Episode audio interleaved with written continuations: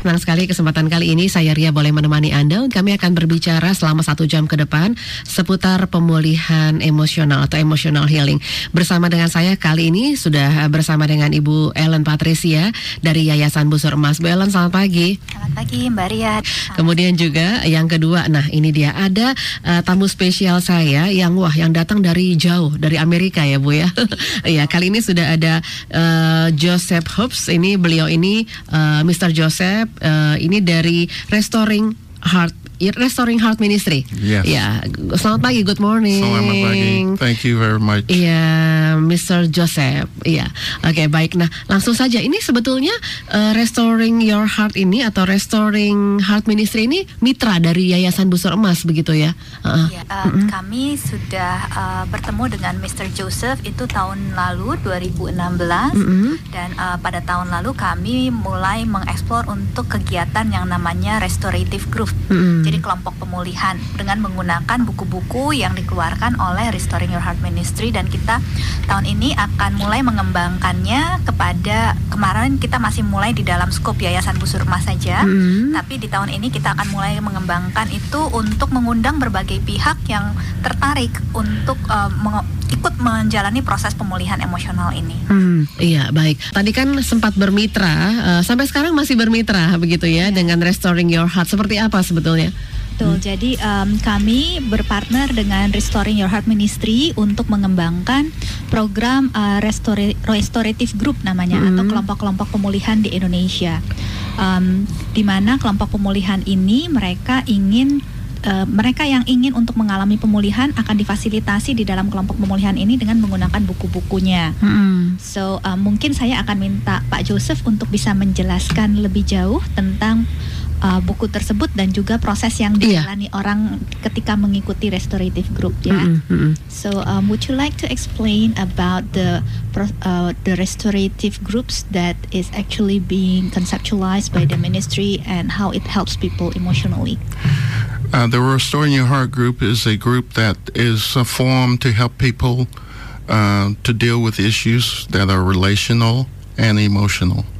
a lot of times the churches are very good at um, relating to spiritual issues uh, and spiritual growth, but they're not good at relating to emotional and relational issues. So, Restoring Your Heart came about as a result of dealing with people who had problems, especially children who do not know how to process pain. And since people do not know how to process pain, they have um, many ways that they um, store uh, these issues in their lives. Okay, jadi um, menurut Pak Joseph, menurut restorative group ini adalah untuk mereka yang memiliki masalah-masalah emosional yang tentu biasanya berdampak kepada masalah hubungan, masalah relasi. Dan uh, biasanya akar dari permasalahan-permasalahan ini terdapat di permasalahan yang dialami ketika masih kecil uh. dan itu tidak tertangani dengan baik sehingga tanpa disadari itu terus berdampak ketika orang itu dewasa. Iya, jadi memang sebetulnya sudah ada riwayatnya ya. Kalau eh, kalau melihat kalau tadi Bu Ellen bilang ini akarnya sebetulnya dari mana sih? Sebetulnya udah lama ternyata. Betul sekali, cuma tidak hmm. disadari sehingga itu uh, tidak tertangani dan bahkan ketika itu berlanjut terus di dewasa orang tersebut juga mungkin nggak sadar bahwa dia sedang punya masalah. Hmm. Ya. Iya, biasanya dalam bentuk apa itu masalah-masalah itu kita bisa lihat. Okay. Uh. So um, what are the symptoms that shows people are having emotional problem? Is it really like very significant or sometimes people that looks like okay can they have emotional problem? A lot of people looks okay. Um, they go around normally. Uh, they have mm-hmm. smiles on their faces. They do their work. But a lot of times the issues are very deep. And it uh, comes up in the form of stress when they get in a stressful situation or conf- uh, confrontation with other, it began to reveal itself. Mm-hmm. Sometime when people are moving forward and then they come to a plateau, they s- stop growing, mm-hmm. and they can't seem to get past this wall. Sometimes uh, they become very numb and have no emotions at all. Oke. Mm, jadi kelihatannya sih baik-baik aja kayak orang normal gitu ya, Betul, Mbak Ellen ya. betul. Jadi tidak selalu harus orang yang terlihat bermasalah berat, Hmm. tapi bisa aja mereka yang kayaknya bawaannya stres terus gitu ya, Hmm. atau mereka yang kayaknya kok nggak bisa breakthrough untuk suatu hal tertentu gitu ya, atau untuk mereka-mereka yang kayaknya orangnya kok nggak peka banget secara emosi gitu ya. Hmm. Itu beberapa gejala yang bisa menunjukkan jangan-jangan ada sesuatu yang memang tidak tertangani.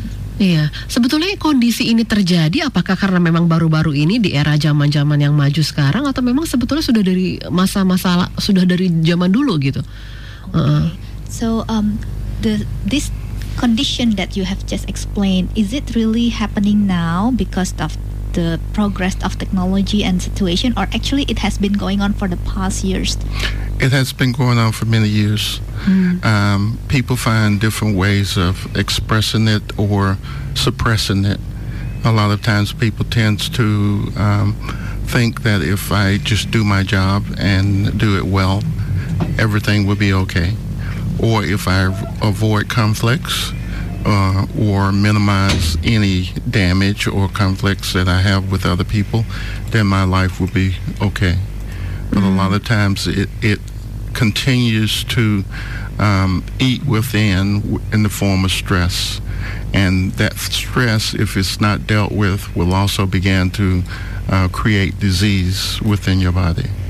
Oke, jadi menurut beliau sebenarnya ini sudah terjadi sejak dulu juga Hmm. gitu ya. Cuma cara penanganannya saja berbeda. Hmm. Maksudnya cara orang menekan itu sehingga nggak muncul ke permukaan. Ada yang menekannya dengan meluangkan waktu sebanyak-banyaknya agar hasil kerjanya baik. Iya. Ada yang menekannya dengan cara menghindari konflik dengan segala resikonya gitu Hmm. ya at all cost. Jadi cara penanganannya saja yang berbeda, tapi kemunculannya sudah sejak dulu. Iya. Nah, kalau dari Yayasan Busur Emas sendiri, eh, Bu Ellen, kenapa sampai akhirnya memerlukan eh, mitra-mitra baik yang ada di dalam dan juga luar negeri begitu? Sampai eh, ya sampai tadi contohnya adalah Mr. Joseph ini. Hmm. Oke. Em, jadi kami eh, dari Yayasan Busur Emas, kami memang bergerak di bidang coaching, counseling, dan parenting. Mm-mm. Nah, kegiatan konseling kami sudah berjalan cukup lama. Mm-mm. Tapi ketika kami bertemu dengan Restoring Your Heart Ministry, mereka punya suatu format yang unik, yang itu justru ketika kami dalami, karena tadi saya sebutkan tahun 2016 kita pil, eh, 17 kita pilotkan ini di dalam komunitas Busur Emas. Ketika dijalani ternyata itu memang dampaknya tidak bisa seperti kalau kita menjalankan hanya yang konseling individual. Hmm. Karena format kelompok tersebut itu membuat dinamikanya jadi berbeda Mm-mm. di dalam kelompok. Kemudian dari Restoring Your Heart Ministry mereka juga sudah menawarkan satu buku, tidak hanya satu sebenarnya, ada beberapa buku yang bisa menjadi guide dalam mengeksplor permasalahan emosional. Hmm. Sehingga dalam diskusi kelompok itu kita sangat terarah. Jadi sudah ada program yang memang sangat terarah yang menolong orang akhirnya bisa menolong pemulihan emosional tersebut dan Mm-mm. buku itu belum pernah ada sebelumnya Oh, di Indonesia. Iya. gitu Tapi apakah memang cocok Bu Ellen eh, format kelompok dengan kalau kita eh, tahu lah ya kita lihat di televisi, lihat di, tel- eh, di film-film eh, format-format kelompok pemulihan emosi di luar negeri kita sudah sudah terbiasa gitu. Mereka punya kelompok-kelompok. Tapi kayak kalau di Indonesia gitu apakah memang cocok dengan kondisi kita yang cenderung eh, menutup-nutupi, cenderung nggak mau kelihatan sama orang kalau kita bermasalah gitu-gitu. Iya. Heeh. Eh, kalau makanya kita baru akan open ini setelah kita pilotkan di dalam Oh. komunitas kami. Kami Hmm. pilotkan ini satu tahun dalam komunitas kami dan ternyata semua kelompok itu mendapat dampak positif yang signifikan. Hmm. Jadi eh, kami cukup yakin bahwa memang itu bisa kontekstual terhadap kondisi Indonesia yang ada. Karena ternyata justru kelompok itu menjadi tempat yang aman untuk orang berdiskusi. Karena ini kan confidential dijaga di dalam Hmm. kelompok. Dan kelompoknya juga tidak boleh terlalu besar. Hmm. dan ternyata uh, program ini tidak hanya di Indonesia tapi mereka sudah mengembangkannya ke banyak negara. Kita hanya salah satu negara. Mungkin saya minta beliau Iya, untuk boleh. menceritakan.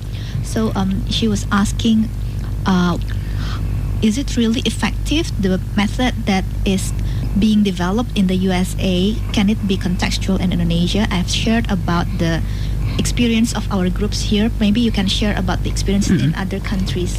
Um, Restoring Your Heart is developed to be used worldwide. It is also um, uh, uh, developed to be used in the context of the country in which we are training.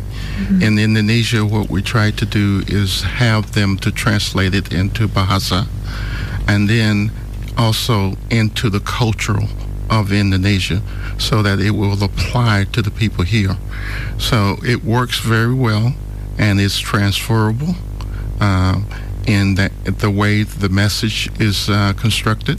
So there's no problem with concept. Uh, people can easily pick up um, after getting into a group which is closed. And in the active group, it's not a Bible study. It's a group where people um, come together to work on their own issues.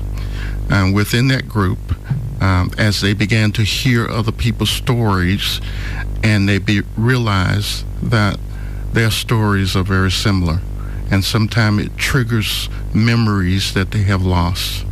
So it helps them to recover those issues in the past, which are still um, uh, affecting them in the present.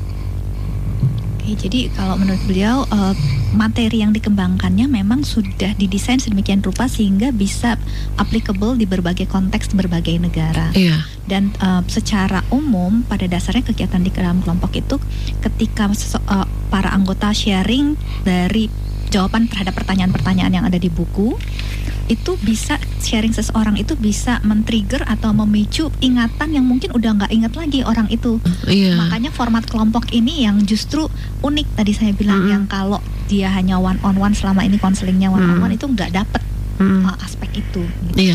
Nah, terkait juga dengan negara kita, negara kita ini banyak banget terjadi bencana begitu. Eh, banyak yang tadinya hidupnya normal, biasa-biasa saja, akibat bencana ternyata kelihatan secara fisik nggak apa-apa, tapi ternyata di dalam-dalamnya eh, bermasalah eh, gitu. Ini j- berarti efektif juga ya dengan kondisi ya negara kita yang yang yang seperti itu gitu, kondisi pasca bencana secara psikologis ya, Bu Ellen. Okay, Huh. so um, she is relating to Indonesian context wherein we experience a lot of natural disasters, Mm. and after the, the disasters, people tend to go on with their lives, but actually, most of the time there is still something that is not yet dealt with. So, is that also um, applicable for such context? Do you have any experience in other countries? Yes, every disaster is what we call a major loss within the lives of people.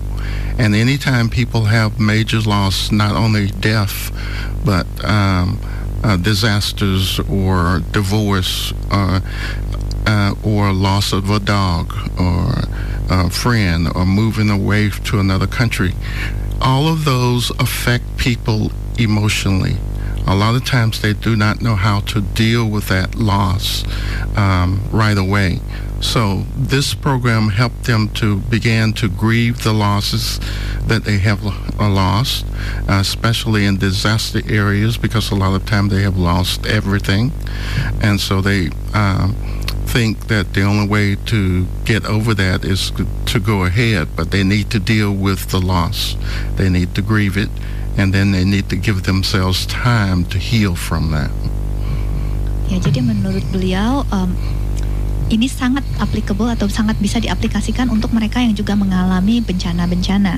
Karena bencana itu sesungguhnya membawa banyak sekali kehilangan dalam diri seseorang.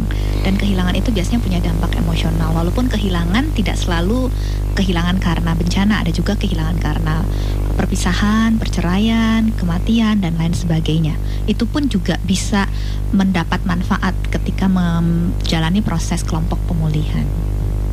Oke, nah contohnya bagaimana? Bagaimana cara seseorang itu bisa mengatasi itu semua gitu? Okay. Mm-mm. So, um, can you explain the process how a person with emotional pain, when the person goes through the group, that the pain can be healed? First, we uh, have a process of, of uh, what we call discovery. Um, in the first couple of chapters, we have them to look back at the family of origin and see how, as an adult, they can look back and see how they uh, their lives were as a child, because the child do not understand how to um, process and or deal with emotions. They do it in two ways. Number one, they go to addictions, and addictions is anything outside of themselves that distracts them away from the pain. The second way is they uh, create defense mechanism. A lot of times, this is to protect themselves from harm from other people.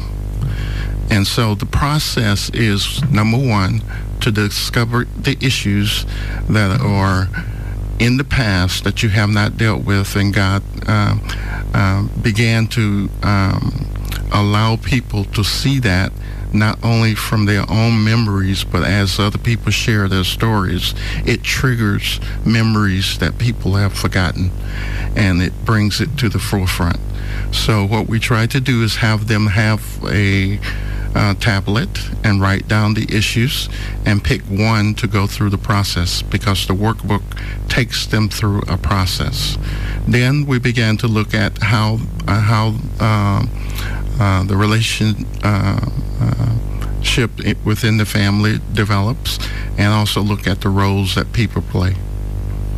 Oke, jadi uh, secara umum prosesnya adalah di dalam uh, buku kerja atau workbook yang mereka keluarkan itu ada banyak sekali workbooknya.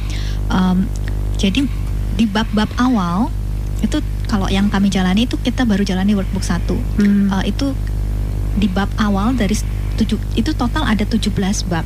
Hmm. Dari 17 bab, 10 bab adalah bab yang dia uh, dia Itu baru satu buku kerja tuh. Baru satu buku hmm. kerja. Jadi yeah. satu bab biasanya satu minggu gitu uh -huh. ya.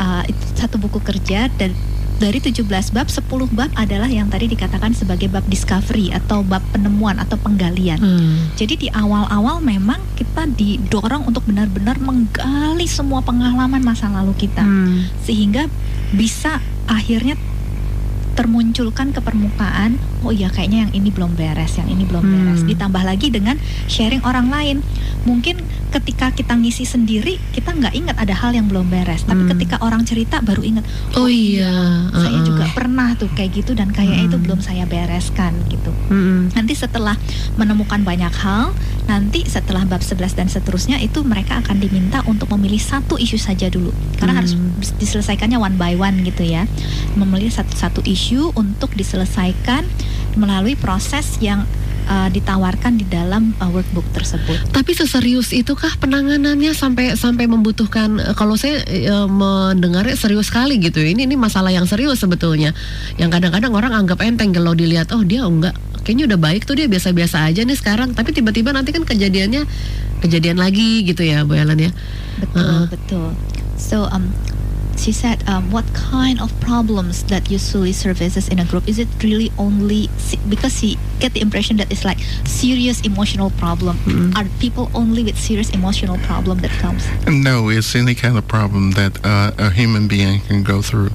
Uh, a, a lot of times it's based on the abuse that they have suffered as a child, and there are uh, several abuses uh, uh, physical abuse, um, sexual abuse, verbal abuse, uh, uh, emotional incest, which means that the parents began to, uh, instead of getting their emotional need from their partner or their spouse, they began to try to get the emotional need met through their children. And that is not a good, healthy way of putting children in an adult situation. And then the last one is the uh, negative uh, internal messages that they receive from people. Why can't you be better? Um, you amount to anything negative. So the child internalized that as not that they are doing bad things, but they are bad. Oke, jadi menurut beliau permasalahannya itu um, yang tadi dikatakan mungkin tadi seperti yang Mbak Ria juga katakan kadang nggak muncul ke permukaan, hmm. tapi um, bisa jadi orangnya terlihat baik-baik saja. Hmm. Uh, karena memang intinya kan tadi di awalnya adalah karena ada yang tidak tertangani di masa hmm. kecil. Nah biasanya itu karena ada yang dikatakan abuse gitu ya. Cuma memang di bahasa Indonesia abuse biasanya kita artikan kan penganiayaan yeah. gitu ya, kayaknya heboh uh -uh. sekali. Tapi sebenarnya abuse yang dimaksud di sini tidak hanya yang seperti penganiayaan fisik, walaupun itu termasuk penganiayaan seksual itu pun termasuk, termasuk juga penganiayaan verbal ketika orang tua sering mengucapkan kata-kata kasar. Atau dari suami ke istri gitu ya? Ya betul, uh. itu termasuk. Tapi di dalamnya juga termasuk juga yang disebut tadi adalah emotional incest. Hmm. Jadi bukan uh, incest fisik gitu ya, hmm. tapi emotional incest di mana orang tua itu bukannya berusaha mendapatkan kebutuhan emosional dari pasangannya, tapi dia mengharapkan itu dari anaknya. Misalkan ketika dia sedih sekali karena dia merasa uh, ah pasangan saya entah istri saya atau suami saya nggak akan bisa ngerti deh dia cer- ceritanya malah ke anak Hmm. dan mengharapkan anak untuk bisa Mengerti. mem- ya mengerti memberikan respon yang bisa menghibur Hmm. dia itu yang kita sebut emotional incest dan itu sebenarnya berdampak secara emosional tanpa sadar kepada anak Hmm. Karena- jadi kayak nularin malah ya. betul dan juga Hmm. yang lebih uh, signifikan lagi dampaknya anak itu tanpa sadar baik anaknya nggak sadar orang tuanya juga nggak sadar biasanya dia didorong untuk masuk kepada dunia dewasa yang sebenarnya dia nggak siap Hmm. itu yang yang biasanya orang Hmm. juga nggak sadar ternyata kok saya suka begini ya ketika Mm-mm. saya dewasa Padahal itu karena dengar-dengar cerita aja ya. iya itu karena cuma dengar karena dengar cerita, dengar cerita. dan disampaikan mungkin dalam konteks yang tidak penuh kekerasan sebenarnya Mm-mm. Mm-mm. dan juga yang terakhir yang disebut sebagai abuse tadi adalah tentang bagaimana orang tua itu sering tanpa sadar mengucapkan kata-kata yang ber- bermakna negatif atau berdampak negatif. Hmm. Aduh kakaknya ini hebat banget ya memang ya nggak kayak adeknya Hmm. gitu ya walaupun diucapkan dengan lembut ta- Heeh. tapi dampaknya negatif. Mm-mm. gitu. Iya, oke baik. One of the other major things that I, I think is important to know is that a lot of times when children uh, are left alone or the parents uh, neglects them and do not meet their need properly, there are four basic needs that we have: need for value, need for security, need for acceptance, and need for connection. And when these needs are not met through uh, the parents teaching their children how to um, uh, um, get these needs met in a healthy way, then when we become adults, we tend to seek out others to t- try to help meet our needs. And a lot of times we um, get our needs met in a negative way and not positive. Mhm. Kemudian satu lagi yang sering membuat masalah tapi tidak disadari adalah ketika orang tua itu gagal walaupun sering kali tanpa disadari untuk memenuhi kebutuhan emosional dasar dari Hmm. si anak. Ada empat Apa kebutuhan emosional dasar anak? ada empat kebutuhan emosional Hmm. dasar manusia. Oh, sebenarnya. manusia, oke. Uh, terlepas dari usianya. Yang pertama adalah acceptance atau penerimaan. Terus ada uh, rasa aman, security. Kemudian value, rasa berharga. Mm-mm. Kemudian connection, hubungan yang baik. Nah, ketika ini gagal terpenuhi, bukan tidak ingin dipenuhi orang tua pasti ingin memenuhi, Mm. tapi gagal terpenuhi entah salah satu, salah dua atau semuanya, itu biasanya memiliki dampak emosional.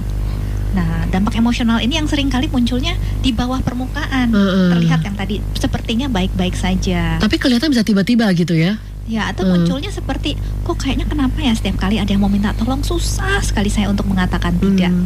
Mungkin permasalahannya dia karena dia punya kehausan hubungan yang dulu tidak terpenuhi, Hmm. misalkan. Atau orang yang cenderung workaholic. Kenapa ya kok suami saya workaholic banget? Mungkin dia punya masalah dengan rasa berharga yang dulu tidak terpenuhi. Hmm. Jadi hal-hal seperti itu juga bisa dibantu dipulihkan melalui kelompok pemulihan.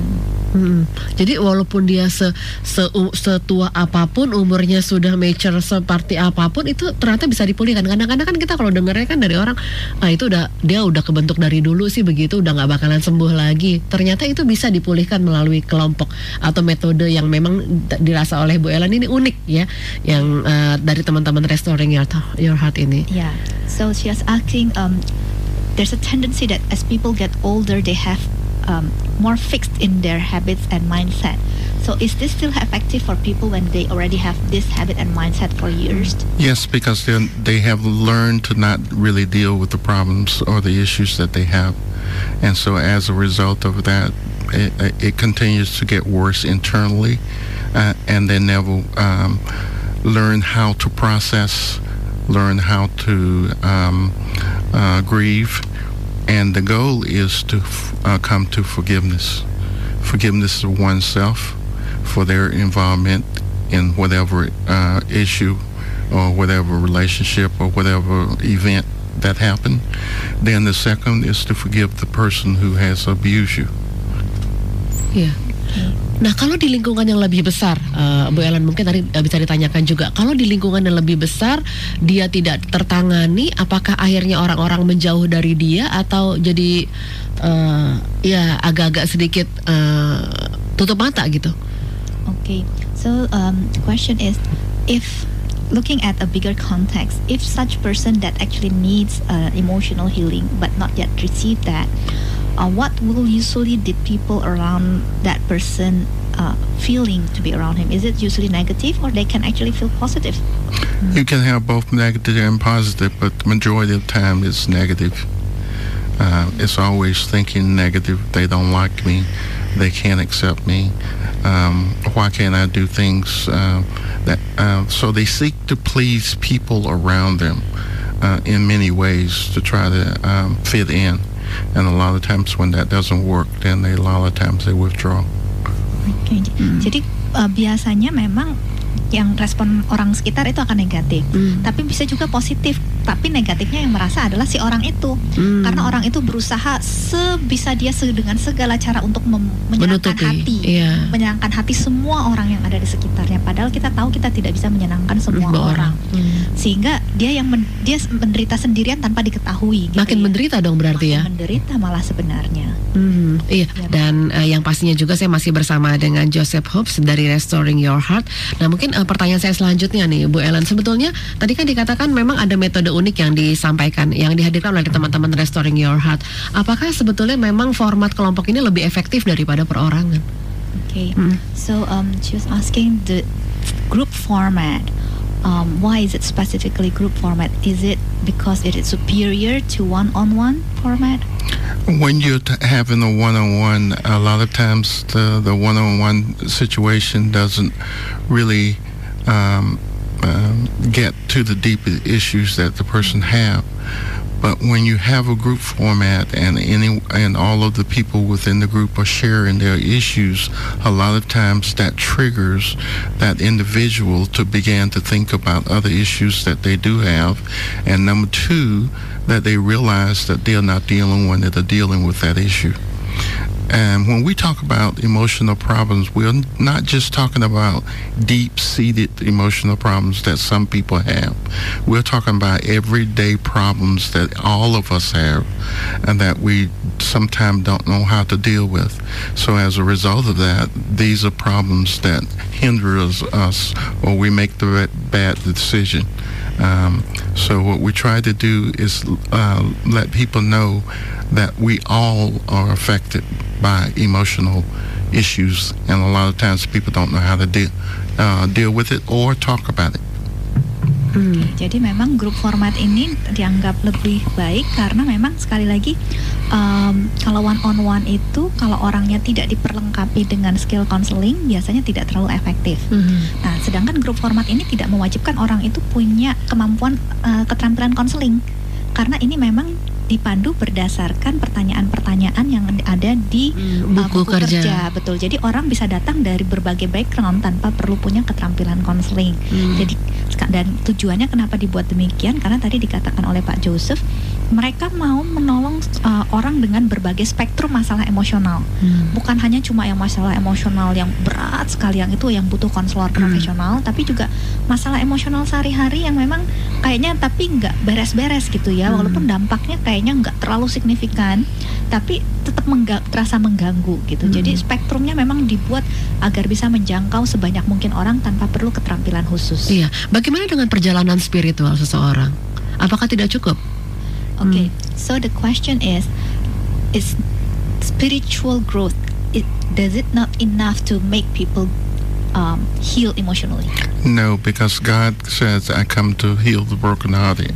That means that's a part of His ministry to help people who have me- mental and physical and emotional issues. And so the spiritual um, uh, growth is there to help you to grow spiritually.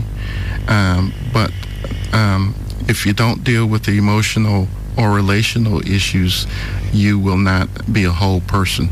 So you you are continually um, learning unhealthy ways of doing things, unhealthy ways of thinking.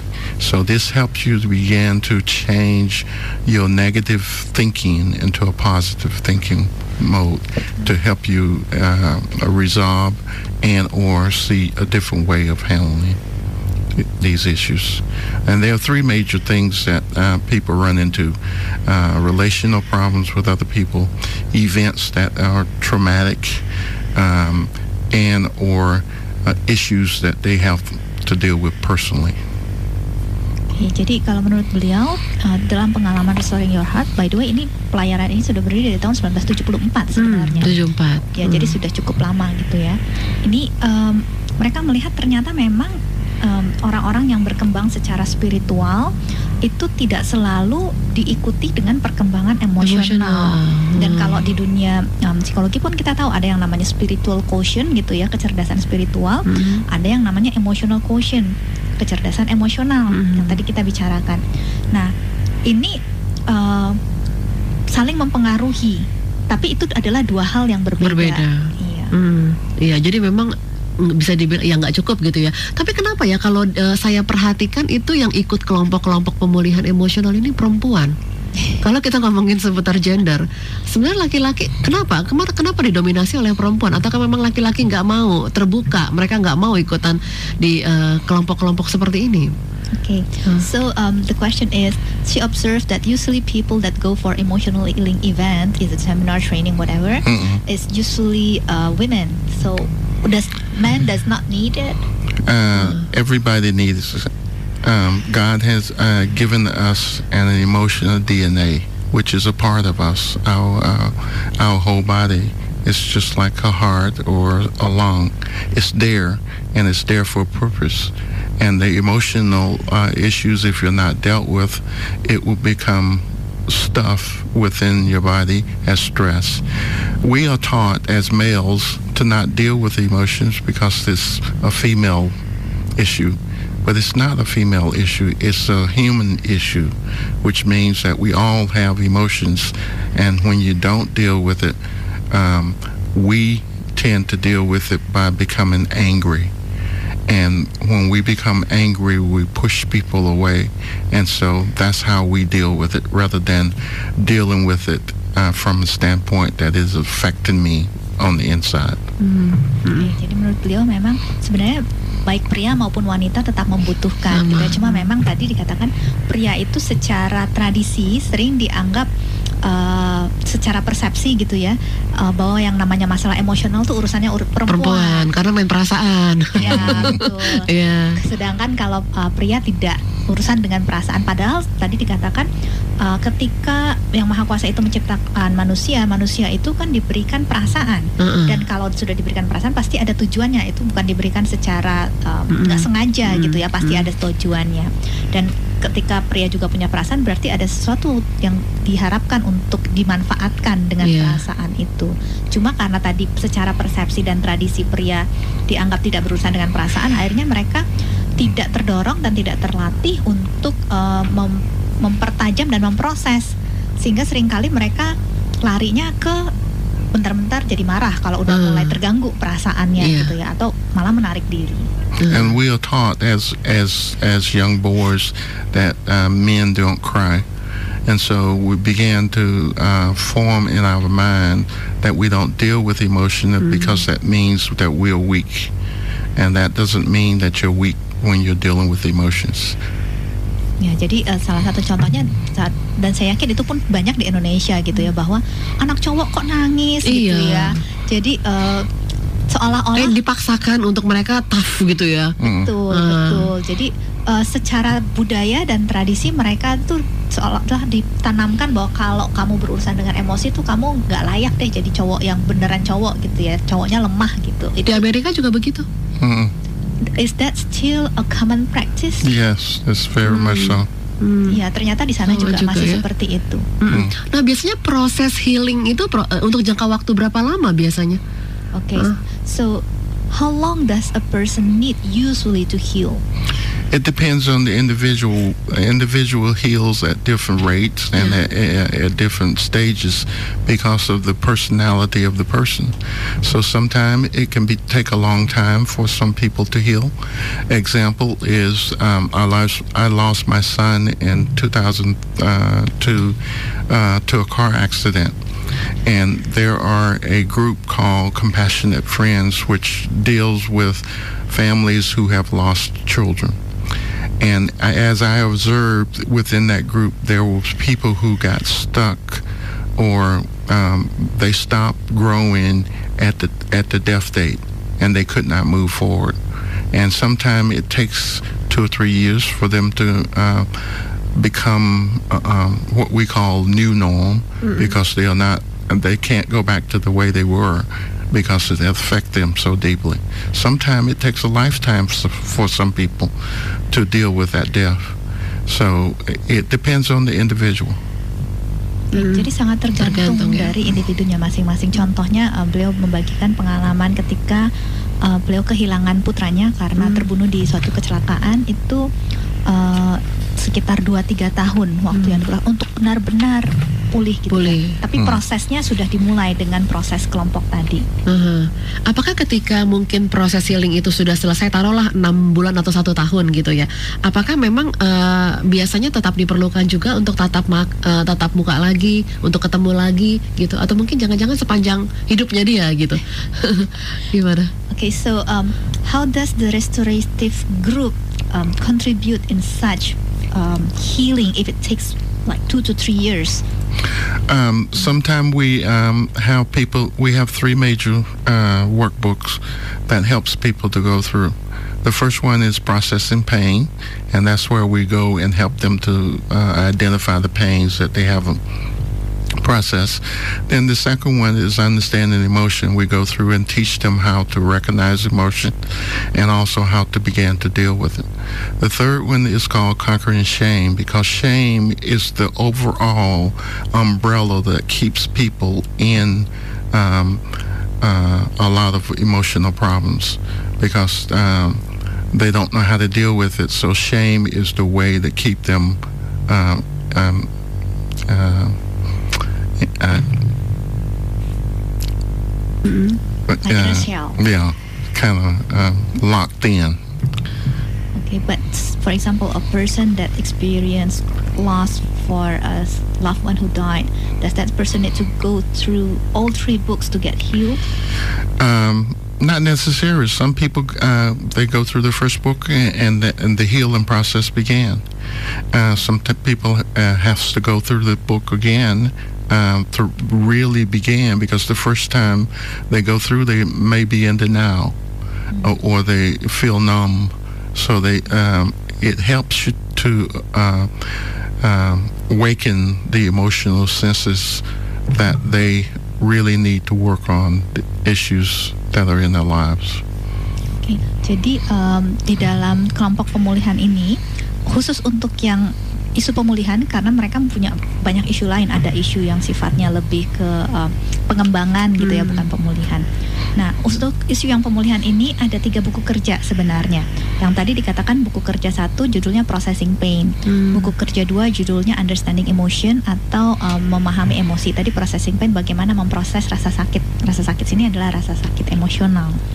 Dan yang ketiga, yang terakhir adalah bagaimana conquering shame. Shame itu kalau diterjemahkan secara harafiah kan artinya lebih kepada perasaan malu gitu ya. Hmm. Tapi yang di sini yang dia tidak merujuk kepada perasaan malu, sedangkan dia merujuk kepada suatu perasaan yang tidak layak. Gitu. Bagaimana mengalahkan perasaan tidak layak tersebut. Jadi ada tiga buku ini dan untuk orang-orang yang masuk ke dalam restorative group tidak harus ikut tiga buku semua gitu ya Hmm. masing-masing 17 bab 17 bab kan lama. Hmm. Kalau dia merasa yang satu saja sudah cukup boleh. Hmm. Tapi kalau dia merasa oh kayaknya ya ini, ini saya sudah beres dan saya pengen bertumbuh lebih lagi, dia mau lanjut lagi boleh. Hmm. Buku ini diadop juga oleh Bu Surmas?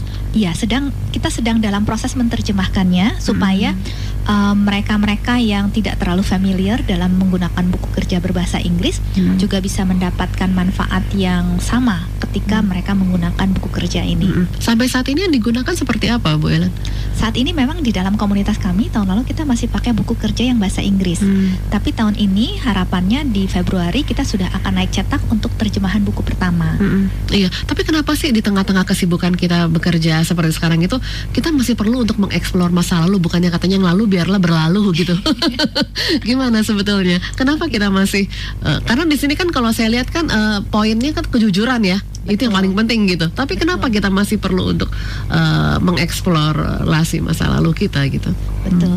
So the question is, um, why is it so important that people? We know that modern people are always busy. Um, why is it so important that people make time to explore themselves? Um, here in Indonesia, we're saying let the bygone be the bygone. So why is it so important? Um, because number one, if you don't deal with the internal issues within your life, you're passing those on to your children. You're passing them on to other individuals, um, and they're more negative and unhealthy. So what we're trying to do is help people begin to think in a healthy way and begin to pass on positive um, ways of dealing with issues so that the the next generation would be a lot healthier than the last generation. Oke, jadi karena em, kalau tidak tertangani tanpa kita sadari, hal-hal yang tidak beres itu akan terwariskan kepada Hmm. keturunan kita. Mm-mm. Sehingga tanpa kita sadari kita mewariskan luka-luka sebenarnya. Luka mereka sendiri ada, ditambah lagi luka kita yang belum beres Mm. gitu ya. Jadinya nanti malah bertumpuk-tumpuk iya. luka-luka di generasi Mm. berikutnya.